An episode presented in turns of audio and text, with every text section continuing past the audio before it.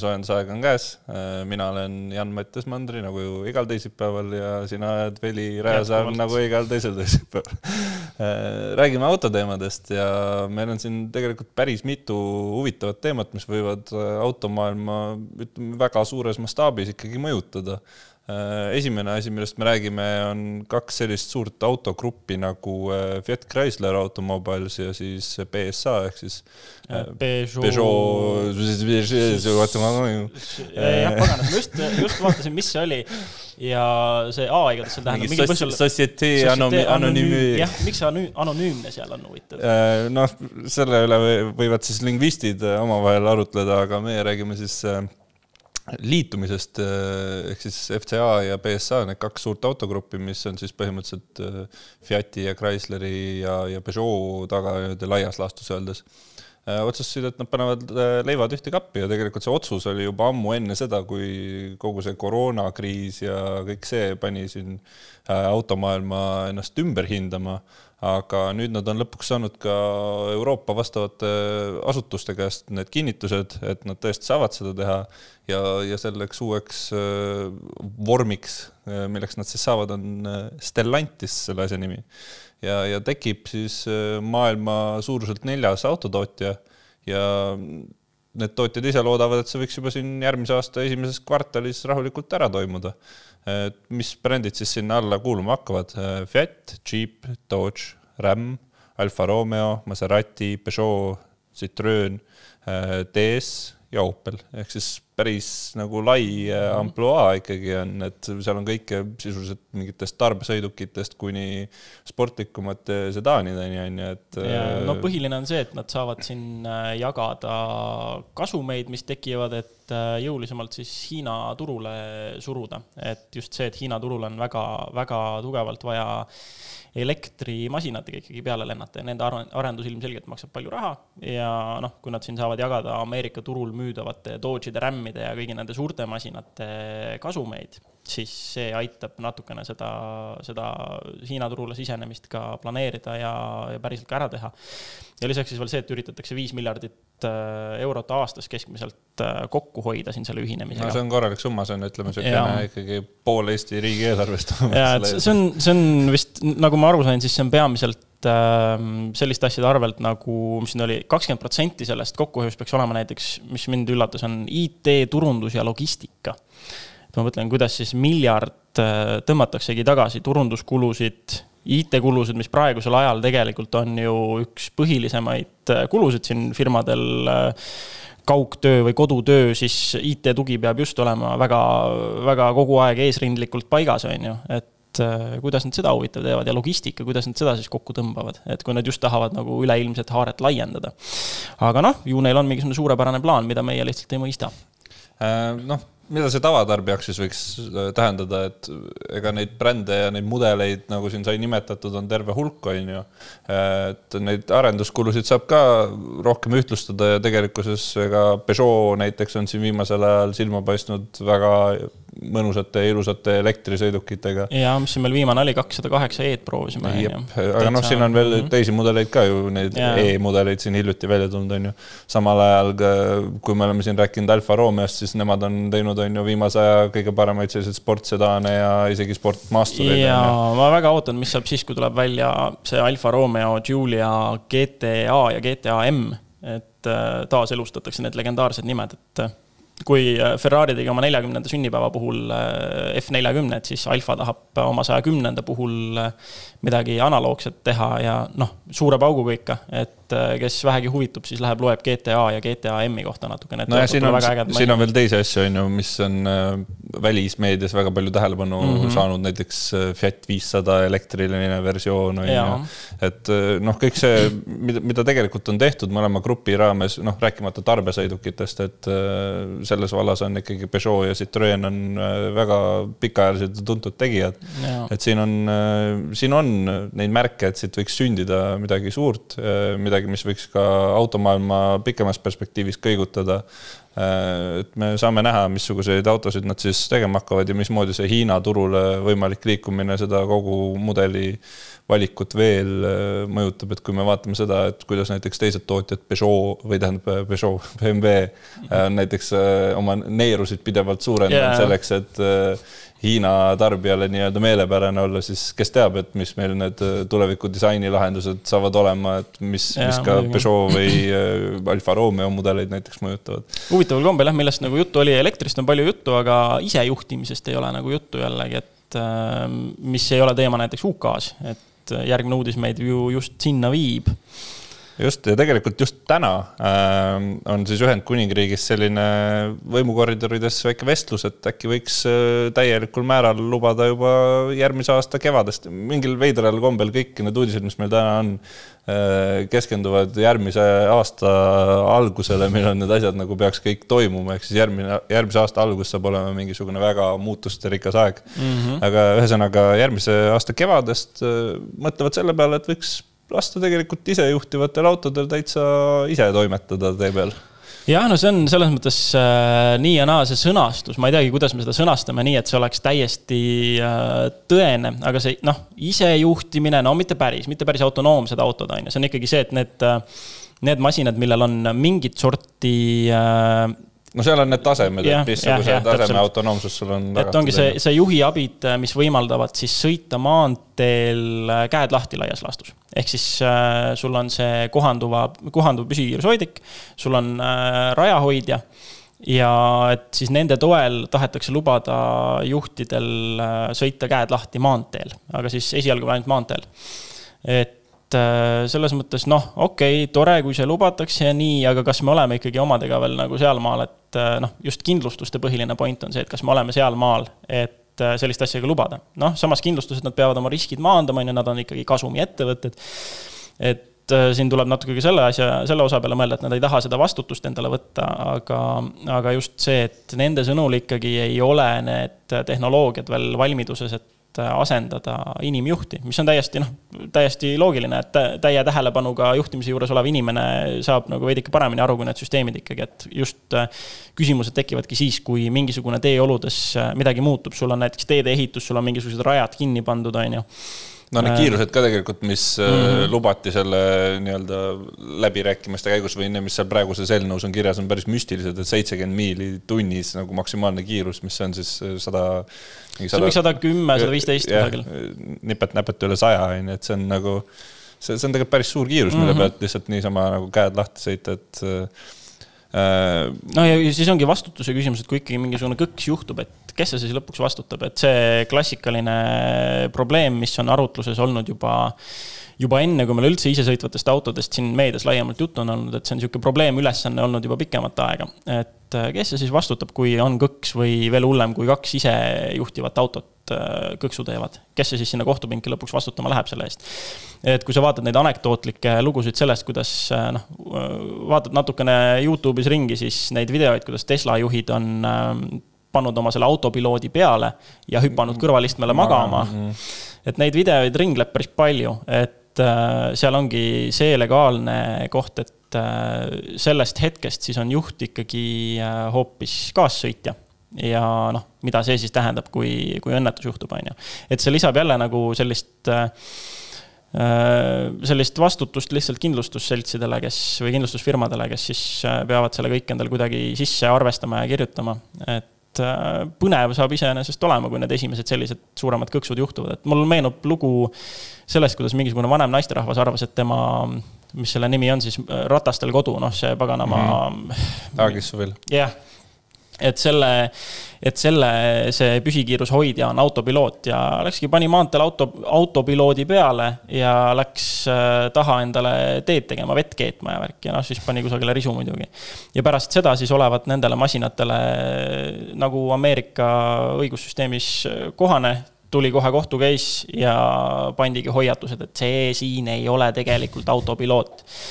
et et äh, noh, see ja see ongi see, nende kindlustusseltside üks point, et, äh, et see, kui öelda nende autode kohta veel autonoomne või isesõitev, et siis see on eksitav. et tegelikult peaks ikkagi nimetama asju õigete nimedega, et need on ikkagi juhi abisüsteemid. Need on laias laastus lapsehoidjad, et sa saaksid mugavamalt sõita, natukene tähelepanu säästa võib-olla, aga see ei ole kindlasti autonoomne sõit veel. no kui me siin veel tulevikku mõtleme, siis ma lugesin ühte, kuna Ühendkuningriigis on see teema nagu päris teravalt tõstatanud ja räägitakse ka selle nagu võimalikest mõjudest tulevikus. ma lugesin mm -hmm. ühte Auto Ekspressi kolumnisti Mike Rutherfordi lugu, mis rääkis täpsemalt sellest, et mis me siis tegema hakkame, kui kõik need kutselised juhid, kes meil tegelikult on, keda on mm -hmm. väga suurel hulgal, kõiksugu kaubikujuhid, pikamaa autojuhid mm, -hmm. neid on tuhandeid inimesi.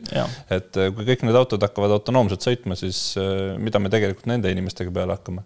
et äh, kõik need inimesed, enamik neist tõenäoliselt on nii vanad, et nad ei lähe enam ümberõppesse mhm. ja, ja nemad peavad tuginema puhtalt siis äh, sotsiaalsüsteemile, on ju, et. jah, ma arvan jah, et selle ümberõpp-, äh, ümber või üleminekuperioodi jaoks tõenäoliselt äh, noh, ei saa päris olla, et laksust, et seal peab olema mingisugune üleminekuperiood, kus neile ka need firmad kompenseerivad seda nende amet ameti kadumist noh, pluss siis veel võib-olla see lisaküsimus, et kui meil praegu on kindlustused, on ju, mõtlevad ühtepidi, et need inimesed, kes sõidavad selle autopiloodiga, on nagu ohuks, siis võib-olla mm -hmm. tulevikus on hoopis vastupidi. et äh, kui kõik autopiloodid on juba nii heaks läinud, siis äh, need inimesed, kes tahaksid enda autoga ise sõita, võib-olla on nemad hoopis ohuks, kuna. ja, ja ma ei taha teada, mis nende kindlustussummad on, kes ise sõidavad siis, on ju. ühesõnaga väga huvitav teema, ootame, mis. ei noh, fakt on see, et, et liiklusele, ohutusele, kõigele, kui need süsteemid tõesti nagu toimima saab nii, nagu peaks, kui autod hakkavad kõik üksteisega tänaval suhtlema, siis ongi sul võimalik see, ütleme, kontrollitud kaos, mida praegu sa näed ilma selle kontrollitud osata kusagil India või Hiina liikluses, et pigem hin-, India, et kui vaadata mõnda suuremat äh, noh, liikluskaamerat mõnelt nende suuremalt mm. ristmikult, siis see kaos, kuidas need masinad lihtsalt siksivad läbi üksteise eest ja ilma justkui mingi süsteemita läbivad seda ristmikku et kui sa võtad isesõitvad autod ja nad suhtlevad omavahel, siis sul ongi see võimalik, et sul, sul võib-olla ei olegi valgusfoore enam vaja, vaid sul, nad arvutavad täpselt välja, kust keegi mm. saab jätkata oma kiirusega kelle nina eest läbi ja sul ongi nagu sellised rägastik ristmikud, kus toimub äh, täielik pidurdamatu, kontrollimatu kaos. et mm -hmm. aga liiklusvoolavuse mõttes kindlasti see on parem lahendus, et äh, sama nagu see, et kui sa vaatad mingisuguseid suuremaid ristmikke meil fooridega, et kui palju foor, ühe fooritsükliga autosid läbi saab siis juba lapsena ma mõtlesin, aga mis siis, kui kõik autod ühel hetkel stabiilselt kiirendaksid, nii et need vahed jäävad kõik nagu samaks inimjuhid seda ei tee, on ju, sul ikkagi, sul toimub see, ja... sul toimub seal mm. nagu kummipaela asi, et nagu nii-öelda venimine, et üks läheb mm., siis vahe suureneb, siis teine tuleb järele. Et jällegi isesõitvad autod võiksid selle mingil hetkel nagu lahendada, aga me lihtsalt ei ole seal. fakt on see, et meile, kes me armastame sõitmist, on see kurb uudis eriti siis, kui need tõesti need kindlustuse hinnad lõpuks nagu täiesti lakke lähevad, sest fakt on see, et kui äh, isesõitvad autod saavutavad sellise taseme, mida ma just kirjeldasin, siis ongi inimjuht ongi meeletu risk liikluses. et et äh, võib-olla ongi see, et äh, lõpuks lastakse ainult suletud territooriumitel. ei noh, me näeme, me näeme ju seda, kui palju inimesi igapäevaselt liikluses sureb, et see on ikkagi ja. üks äh, maailma kõige suuremaid tegureid üldse. ongi, kui noh, siin on jälle see analoogia, et kui inimene suudab juba oma jalgade otsast pikali kukkuda ja tõsiselt viga saada, siis mis veel nagu autodest või lennukitest või mingitest asjadest rääkida, mille, mida me piloteerime, on ju aga no ühesõnaga jäime natukene jaurama sel teemal, et fakt on see, et isesõitvad autod tulevad mingil hetkel sellise tasemega, et inimjuhil ei ole tõesti rooli asja, see, see juhtub, lihtsalt küsimus on, millal. saame näha et, neid. ma, ma arvan, meie seda päris veel näha ei saa. no Ühendkuningriigi katsetused ikkagi saame näha, mida, mis produktid sealt vormuvad välja. aga, aga ka teised Euroopa riigid ei ole vähem innovatiivsed ja ürita ikkagi autojuhtide elu keerulisemaks teha.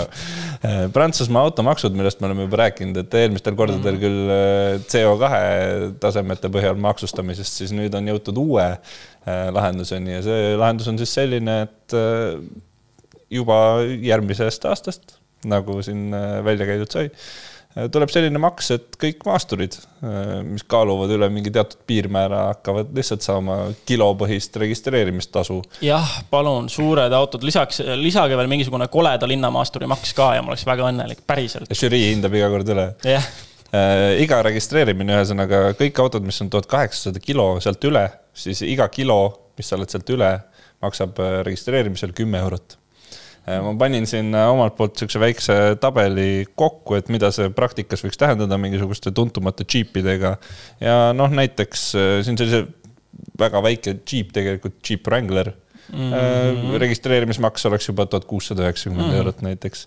rääkimata sellest, et näiteks äh, Škoda Kodiaq, mis on ikkagi niisugune mõistliku hinnaga maastur, saaks äh, hinnale juurde viis tuhat kaheksasada eurot ühekordsena mm. -hmm. no mis siin rääkida veel siis on ju mingitest no, Pentaigadest ja Urustest. Peugeot kolm tuhat kaheksa, kaks tuhat kakssada eurot, Volkswagen Tiguan neli tuhat seitsesada eurot, see on ikkagi ütleme niisugune laias laastus kakskümmend prossa auto hinnast. ja samas see kõneleb mulle ikkagi sellest väga nõmedast paisumisest, et äh, no,. ma, just... ma ei ole ikkagi selle kirsini veel tordil no. jõudnud, see kirss tordil on ikkagi Mercedes-Benz GL kolmsada viiskümmend. kas ma pakun?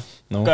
üksteist tuhat eurot. viisteist tuhat laias laastus, neliteist tuhat nelisada üheksakümmend, ehk siis sa saad ikkagi ütleme siukse mingisuguse mm. noh, Škoda Kodiaqi siin plangumas versioonis saaks juba selle raha eest põhimõtteliselt kätte. ja sellele ka peale maksta. jah, et väga-väga äh, karmid meetmed ja, ja nendega ja. on juba see, et kui me siin räägime sellest äh, isejuhtivatest autodest, siis see on nagu puhas selline teoreetiline mõte alles mm, -hmm. aga see, see maks on ikkagi võrdlemisi kindel ja, ja järgmise aasta algusest hakkab igale Prantsuse autoomanikule kehtima, et. aga huvitav siis, et kas see ongi defineeritud, et maasturid, kuidas nad jaotatud on, kas mitte lihtsalt nagu rasked autod?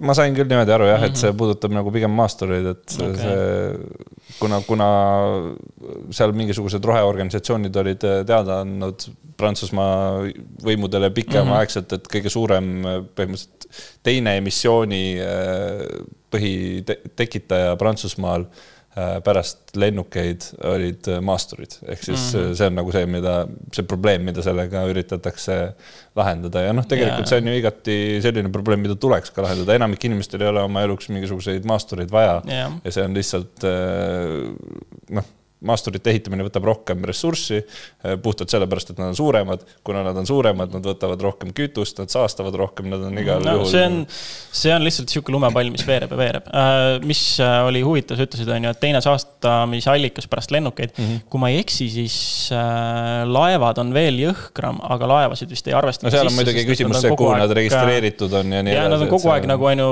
nii-öelda sellisel rahvusvahelisel. ma arvan, nad lihtsalt ei sõida Prantsusmaa lipu all, need on ilmselt kuhugi, ma ei tea, mingi Mariani saartele. sest ma mäletan mingisugust sellist äh, trivia teadmist, mis mulle kunagi veidike uurides ette jäi, et äh, maailma, ma ei mäleta nüüd numbrit, kas oli kuus, kas oli kümme, see oli kindlasti nagu selles mõttes vähem kui äh, noh, sihuke madal kahekohaline number maksimaalselt.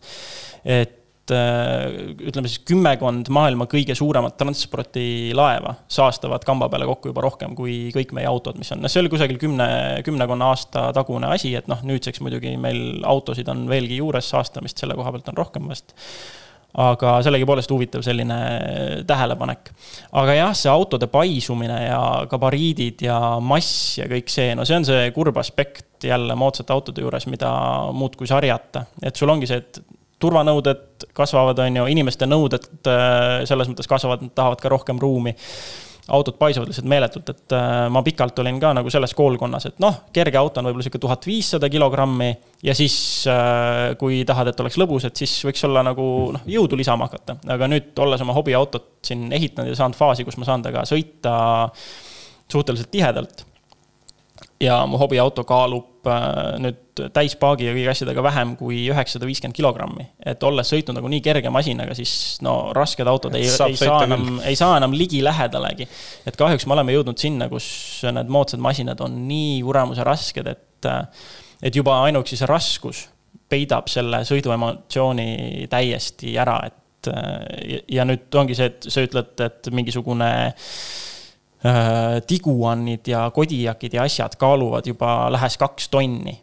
see on ikkagi meeletu, et äh, väga, väga kurb on tegelikult seda näha, sest äh, ma olen täiesti veendunud nüüd, et, et sõidurõõmu üks suuremaid komponente on ikkagi see, kui kerge see auto on noh, ütleme prantslastel siis vist äh, varsti saab see probleem lahendatud, et võid Prantsusmaale kolida. aga kuulame vahele nüüd ühe sponsori kelli ja siis räägime juba prantslastest edasi kui sinu jaoks on oluline kindlalt kohale jõuda, siis valid sa tõenäoliselt Toyota. Elke hoolitseb selle eest, et sa oma Toyotast ainult rõõmu tunneksid Tallinnas, Rakveres, Kuressaares ja Narvas. Elke, sinu Toyota, meie kirg nagu lubatud, siis äh, lähme selle nädala proovisõiduauto juurde, mis on ka Prantsusmaalt ja Renault Clio, aga mitte tavapärases kastmes, vaid seekord hübriidina äh, me kunagi rääkisime ka sellest tavalisest äh, Renault Cliost ja ta tegelikult sai meil palju kiita ja sa ja ka selle aasta, aasta auto valimisel kiitsid seda suht palju äh,. jah, selle siis eelmise, jah, täpselt. et see Clio selles mõttes oli jah, suur üllataja, et äh, kui ta eelmisel aastal oli Eesti aasta auto valikus ja temaga sõita sai, siis äh, siis peamised asjad, mis meelde jäid, olid see, et jah, ta on väike, ta on kompaktne ja meeletult madal hind ikkagi, et minu nägemus sellest, kui meil ei ole nagu Eesti aasta autol äh, kategooriaid, et ma ei tea, aasta sportauto, aasta parketimaastur, mis iganes, et vaid on lihtsalt aasta auto siis see aasta auto peaks olema midagi, mis, mis, äh, mis on kättesaadav enam-vähem kõigile. Ja Clio oma hinnaga seda oli ja see, mis sa selle raha eest said, see oli vist mingisugune kaksteist kuni neliteist tuhat, midagi säärast, see nii-öelda algplankmudel. et selle eest oli seal autot küll ja veel, et ta oli meil aasta auto valimisel ainuke käsikastiga variant. väike mõnus punn, sellise ootamatult äh, sel-, julge disainiga, seest ka sõitjate ruumist ikkagi moodne. väga hea müraisolatsiooniga selle hinna kohta jällegi. et palju, mis, palju, mis üllatas ja sel põhjusel mina ja Uku mõlemad hääletasime ta ka esimeseks. ja siis äh, päriselt aasta autotiitli võitnud Mazda kolme me hääletasime mõlemad teiseks.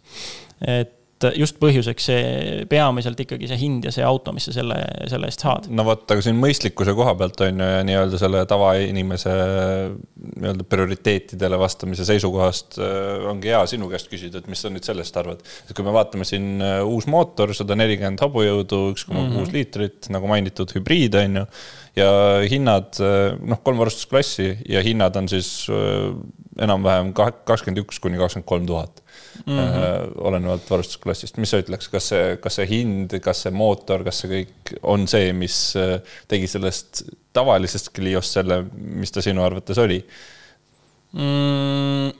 sa mõtled nüüd, aa jah, tavaliselt. mõistlikkuse okay,, mõistlikkuse koha pealt, et kas, kas ta on võrreldav uh, sellega?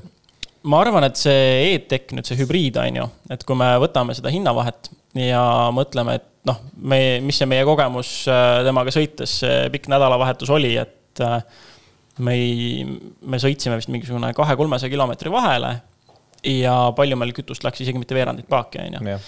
et see põhimõtteliselt paagitäiega saab sõita selle loogika alusel üle tuhande kilomeetri. ja kui nagu nüüd natukene rakendada seda printsiipi, et äh, in a long enough timeline ehk siis piisavalt pika aja peale, siis äh, kindlasti ainuüksi kütus juba maksab äh, ennast ja selle, seda hinnavahet seal kinni aga muus osas äh, jällegi tal olid needsamad tugevused, mis, äh, mis sellel tavakliiol.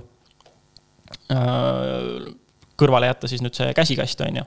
aga samas tal oli täiesti kasutatav selline funktsioon, nagu nüüd peale pannakse hübriididele elektriautodele, ehk siis see energiataastesüsteem mm, -hmm. et mhm. kui sa jala juba pedaalilt tõstad ma ei saa nüüd, kurat, elektriauto puhul enam ei saa öelda gaasipedaal, aga hübriidil veel saab, et ühesõnaga, kui sa, kui sa jala gaasipedaalilt tõstad, et siis äh, sa saad valida selle pidurduse tugevuse, millega ta siis energiat äh, tagasi võtab.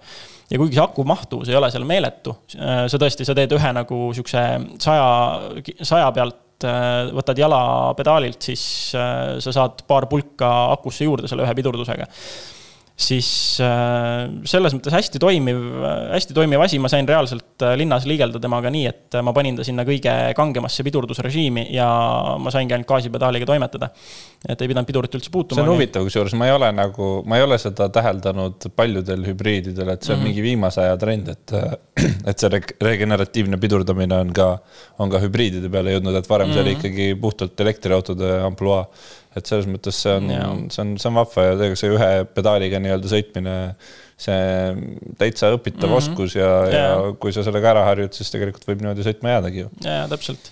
et jällegi täitsa, täitsa nagu mõnus, minul äh, üleüldine ilme arvamus sellest autost ikkagi pigem positiivne, aga jah, ja see on, see on jälle nüüd ma lähen nagu vastuollu sinna oma äh, Äh, sellise veendumusega hübriidide osas, mitte veendumus, aga, aga lihtsalt loogika ütleb ju, et kui sa võtad mingi koguse kütust, sa paned selle paaki, selles kütuses on kindel kogus energiat. ja nüüd, kui hübriid saavutab sul sellega mingisuguse kütusekulu, äh, siis teoorias, kui sa võtaksid ära nüüd selle hübriidajamiselt need akud ja jätaks ta ainult sisepõlemismootori, siis ta peaks suutma enam-vähem sama distantsi sõita puhtalt selle arvelt, et äh, tal ei ole nii palju massi, mida ringi lohistada, on ju. et jah, seal on jälle see, et äh, CO2 osas väidetavalt võidetakse, on ju, seal on äh, võib-olla mingi dünaamika võit, et see elektriajam silub sul mingisuguseid bensiinimootori puudujääke kusagil seal võimsuse jõukõveras aga muus osas teoorias ta peaks suutma nagu sama distantsi sõita, on ju, aga samas selle hübriidversioonina täiesti, mulle tundub, et ta ikkagi õigustab ennast, et ta lisab piisavalt funktsionaalsust. et, ähm, et ma ei, ma ei, ma ei teagi, kas, kui mul oleks käes, ütleme, kakskümmend viis tuhat eurot, et kas ma siis mõtleks, et ma võtan selle blank Clio ja säästan kümme tuhat või ma võtaks selle hübriidi, et ma olen päris kahe vahel tegelikult. ma olen sinuga nõus, aga ma arvan, ma ikkagi valiks Blangu, sest et seal oli seda sõidulusti täpselt sama võrra mm. ja see kütusekulu erinevus minu arust ei olnud nii palju suur, et noh, ma ei sõida ka mingeid müstilisi mm.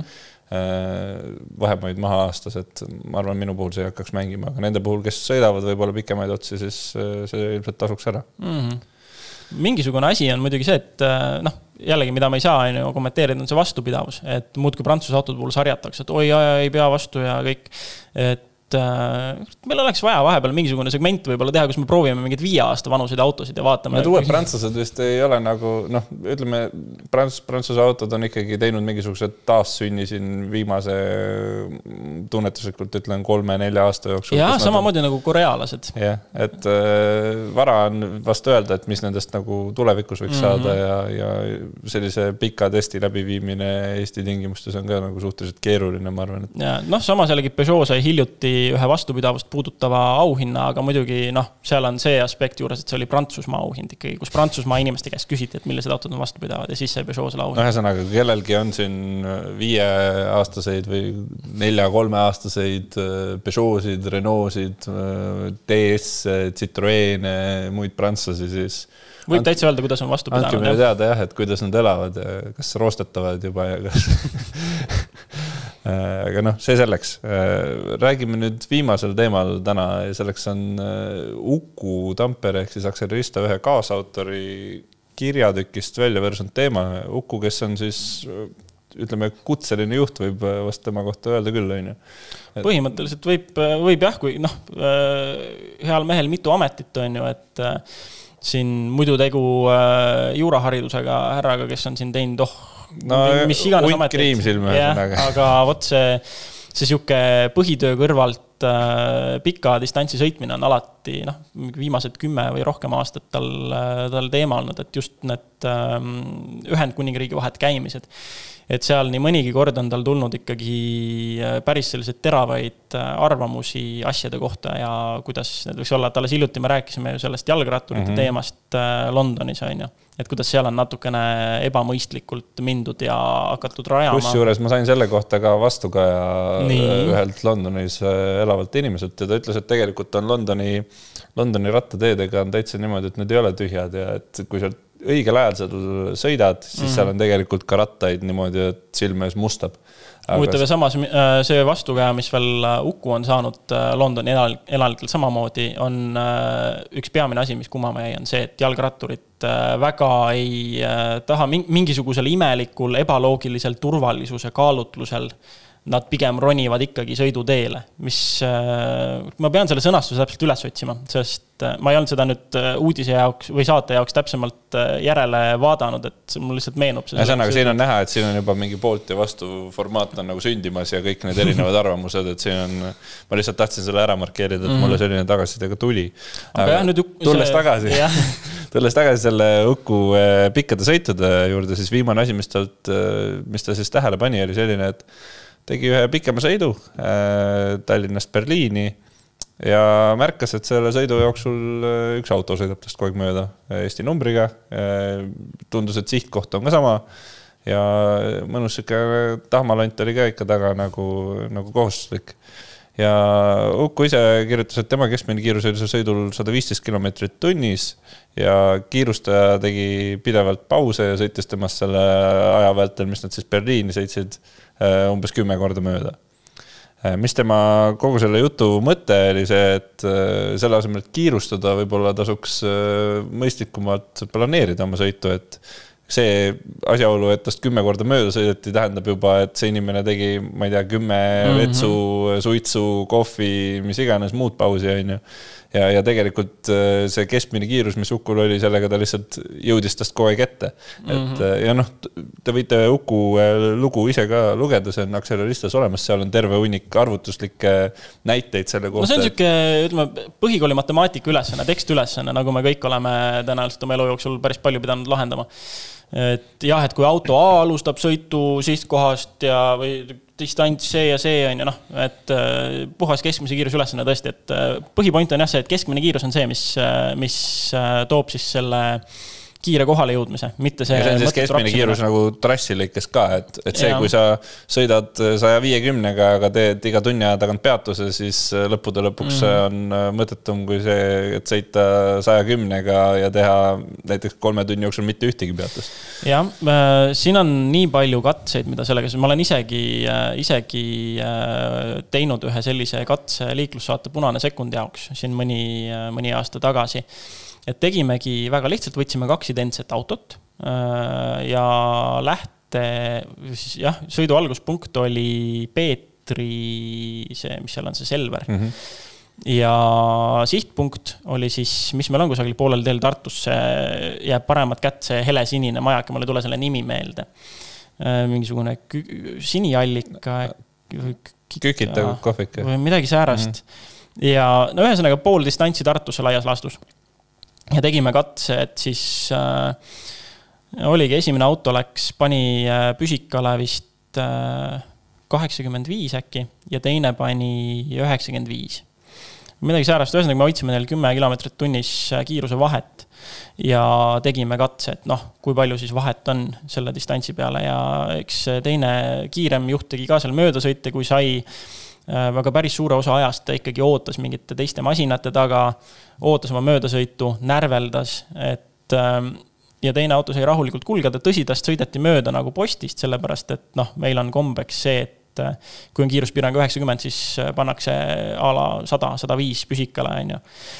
aga tema seal midagi muus osas ei närveldanud ja sõitis rahulikult ja see ajavahe tuli meil vist neli minutit. ja kogu katse järeldus oli see, et pigem selle asemel, et siksida ja tekitada ohtlikke olukordi, on mõistlik ikkagi kodust lihtsalt varem välja minna. ja see on kõigi selliste katsete, analoogsete katsete, kus iganes need tehtud ei oleks, järeldus peaaegu alati. et ei ole mõtet äh, riskida mõttetult, ei ole mõtet kihutada, võta see moment, kui sa saad ja ära tee mingit hommikust suitsu, vaid mine lihtsalt veidike varem välja ja kõigil on palju turvalisem. aga Uku tõi siin lisaks välja veel muid point'e stiilis ähm, juhi väsimus, on ju, et tegelikult selline suurel kiirusel sõitmine tema kogemuses on pigem äh, vaimselt kurnavam lõpuks. ja põhjustabki seda, et sa teed seal rohkem peatuseid lõpuks, et, äh, et noh, siin vaadates ka seda. no kui meil oli siin äh, PPA-st külaline on mm -hmm. ju, siis rääkisime alarmsõitudest, siis tegelikult oli täpselt seesama teema mm, -hmm. et mhm. alarmsõidu tegemine ütleme, laias laastus ei erine väga sellest, kui sõita lihtsalt suurel kiirusel yeah.. et su tähelepanu peab olema kordades ärksam, sa pead äh, vaatama, mis toimub, sa mm -hmm. ei saa nagu hetkeks ka lihtsalt kulgeda. ja et..., ja see oli üks point, mis Uku välja tõi kusjuures, et kuna ta on ka olnud PPA-s tööl, et siis äh, alarmsõidukoolitusel üks põhilisi asju, mis välja toodi, et äh, sõites on väga raske aega tagasi teha, et äh, kui on väljakutse, siis mida varem sa välja saad, seda parem, et äh, see, kui sul on noh, ühesõnaga, sa ei tee seda aega meie liikluses sõites tasa lihtsalt. varem välja, jällegi täpselt sama järeldus. aga just see planeerimise osa ka, et noh, et sa teaksid, et sa mingisugused äh, sektsioonid sõidust ei jäta neid mingile tipptunni ajale, on ju ja et sa oma pausid planeerid mõistlikult ja et sa teedki nii, täpselt nii palju kui vaja, et sa, sa ei joo kaubiku roolis muudkui energiajooke järjest, et äh, oma tähelepanu üleval hoida, et siis iga tunni aja tagant äh, teha põiepeatus. vaid et sul ongi, sul on oma söögipeatus, sul on, äh, teed oma vetsud, kohvid, asjad sellesama peatusega ära ja siis lased jälle edasi. et noh, siin ka, kui see lugu läks nüüd üles Delfisse siis hästi palju kommentaare on, et oot, mis mõttes, et noh, et Mersu vend ju noh, siis see teine kiirem kihutanud auto. et noh, et tema ju sõitis, jõudis samal ajal ja sai nii palju pause teha ja kõik asjad ja, aga milleks neid pause lõpuks siis vaja on ja mis te arvate, et siis äh, need pika distantsi sõitjad ei tee omal seal pause või? teevad, aga nad on planeeritud, need on mõistlikud, need on, need ei ole nagu sellised, ütleme, sõidustiilist äh, tulenevad pausid, nagu võib olla nendel, kes närveldavad. et äh, jällegi noh, lased tund-kaks ja siis äh, teed mingisuguse suitsupausi või midagi, noh, et need, kes siis autos ei suitseta, on ju. et see kuidagi sihuke mm, mõttetu rapsimine ja tõmblemine lihtsalt äh, mind ka kummastab, et kasvõi juba Tallinnas liigeldes nii palju on seda, et kui sa lähed sinna Nõmme kanti, kus sul on, sul ongi see roheline laine, on ju. Mm. sul on isegi üles suurelt kirjutatud, et mis kiirust sa hoidma peaksid, et sa oleksid rohelises laines. ja nii palju on seda, et sõidan, kulgen rahulikult paremal sõidurajal ja siis autod minu tagant vaatavad, et ma olen aeglasem, reastuvad vasakule, jäävad foori taha ootama ja siis mina jälle rahulikult lähen mööda neist ja siis nad uuesti kiirendavad üles. ei tule nui neljaks, ei tule selja taha, vaid tulevad mõnikord äh, ette ja siis pidurdavad, on ju. et nagu mis, mis te tõmblete? et kas te nagu, kui te kaks või kolm foori vaataksite, siis te näeksite, et ma kiirust muutmata lähen lihtsalt rahulikult, mida te tõmblete? Et ei ole nagu mitte mingisugust äh, põhjust, aga ikkagi kuidagi teine, teine veel see, et kuna mul on see nii-öelda äh, rondauto on üheksakümne teise aasta Corolla, et kui ma sellega liiklen, siis veel äh, eriti on seda, et mingisugused sakslased lihtsalt ei kannata seda, et kui nemad on jõudnud sinna foori taha ja ootavad seal punase taga. ja mina tean seda tsüklit ja lähen täpselt rohelises laines neist mööda. siis nad ikka kiirendavad ja peavad mulle ette saama, et lihtsalt ei, ei kannata olla, aga mingi mõttetu tõmblemine, et lõppkokkuvõttes no ma saan aru, et väga paljusid inimesi ei huvitagi nende auto kütusekulu, nad lihtsalt ongi, saab tühjaks tangi või hakkavad tüh-, hakkab tühjaks saama, tangivad täis ja kõik, on ju. kes veel OÜ-tavad ja kellel on firmad, need lasevad firmakaardiga täis ja üldse ei huvita. aga lõppkokkuvõttes lihtsalt, mis saastamist see mõttetu tõmblemine põhjustab äh, siin laiemas perspektiivis, kui me kõik need tõmblejad äh, kokku ühte punti arvutame nii-öelda. et ikkagi noh mis, mis mõte sellel lõpuks on, mida me saavutame sellega? no vot, ja nagu näha, siis ajaliselt ka ei võida, nii et äh, lõppmoraaliks on siis see, et sõidame mõistlikkuse piires, natukene aeglasemalt võib-olla kui, kui need äh, mersud tahmalondiga ja, ja jõuame kõik ilusti rahulikult kohale ja ei pea iga viie minuti tagant peatust ka tegema. vot sellise mõttega siis lõpetame seekordse saate ja kuulmiseni ja nägemiseni juba järgmisel teisipäeval, aitäh kuulamast ja vaatamast! aitäh!